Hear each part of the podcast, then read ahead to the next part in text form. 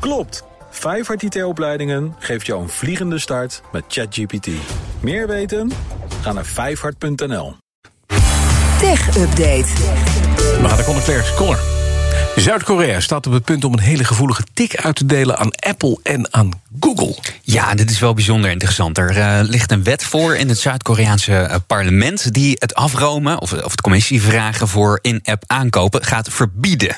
Dus niet meer zomaar een beetje regels, maar echt een verbod. Apple en Google die pakken allebei 30% van uh, alle in-app aankopen. Met een korting voor uh, je eerste miljoen jaarlijkse omzet, dat wel. Maar dat zou dus in Zuid-Korea uh, zomaar eens voorbij kunnen zijn. Want is een uh, comité in het parlement en dat stemt volgens uh, persbureau Reuters vandaag na verwachting uh, in met een amendement van de Telecommunications Business Act. Dat -huh. wordt ook wel in Zuid-Korea de anti-Google-wet genoemd. En daarmee zouden eigenlijk App Store beheerders met een dominante marktpositie niet langer mogen uh, bepalen welk betaalsysteem, of niet mogen opleggen welk betaalsysteem er wordt gebruikt. -hmm. Stemt het comité in met dit voorstel, dan wordt er morgen in het hele parlement over gestemd. Oké, dan hebben de Zuid-Koreanen primeur, als dat zo is. Ja, dat zou uh, de eerste grote economie zijn die uh, de App Store-dominantie echt aan uh, banden legt. Apple en Google liggen natuurlijk wereldwijd onder vuur om het vermeende machtsmisbruik in de appwinkels. Maar het is op heel veel plekken nog niet zover. De EU wil de boel gaan reguleren met de Digital Markets Act. In de Verenigde Staten is een drietal senatoren van beide partijen bezig met nieuwe wetgeving om de macht van die twee bedrijven in te perken. En er is natuurlijk nog altijd die rechter met een enorme stapel paparazzen uh, aan het lezen om tot een vonnis te komen in de mega-rechtszaak van uh, Epic Games uh, tegen Apple. Ook weer over die commissies op in- en app aankopen.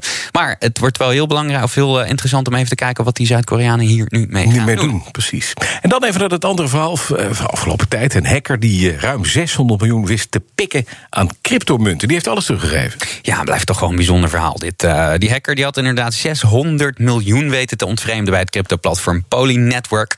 Um, dat is de grootste crypto-diefstal ooit. En hij had gezegd dat hij het terug zou geven. En dat heeft hij nu ook echt gedaan. Hm. Al het geld is uh, weer terug. Ja, die dief die vond een kwetsbaarheid in de code van uh, Poly Network. En die wist hij eigenlijk in zijn woorden vrij makkelijk uh, te misbruiken. om een heleboel cryptovaluta zo naar zijn eigen accounts over te boeken.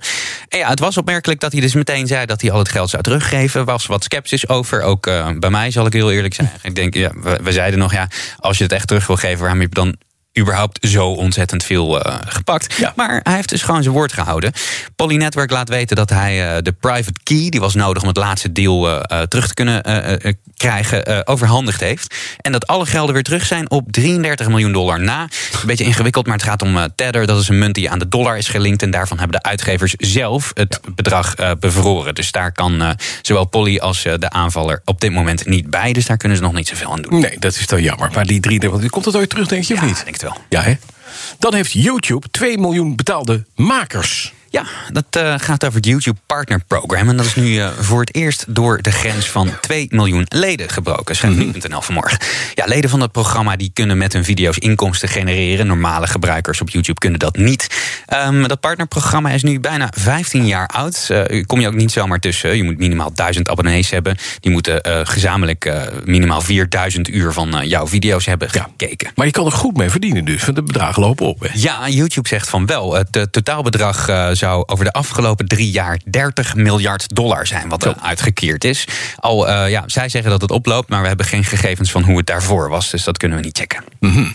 uh, dan even een ander verhaal, want uh, bellen en videobellen via de Facebook-app wordt toch weer mogelijk. Dat ja, was er toch om. Dat was ooit, ja, zeven jaar. weggehaald. Zeven jaar terug, ja. ja. Ja, het is, uh, ze zijn een beetje wispelturig bij Facebook. Uh, ooit zat alles van Facebook in één app. Dan ja. zou je zeggen dat is overzichtelijk. Maar ja, uh, dus zo'n jaar of zeven geleden werd de Messenger-app losgekoppeld. En dat wilde zeggen dat als je dus met iemand wilde chatten of je wilde met iemand bellen, later video bellen. Moest je weg van Facebook en dan Messenger. En dan ja. een andere app van ja, Facebook. Precies. Ja, um, Reuters schrijft vanmorgen dat Facebook nu juist weer een klein groepje gebruikers bij wijze van proef de optie geeft om weer met de gewone Facebook-app mm -hmm. te oh. kunnen bellen. Oké. Okay. En dan uh, ja, zijn we na zeven jaar weer terug bij af. Weer cirkeltje, ja, een beetje zoals Afghanistan eigenlijk. Ja, maar waarom is, waarom is dit dan? Ja, ik, al sla je me dood.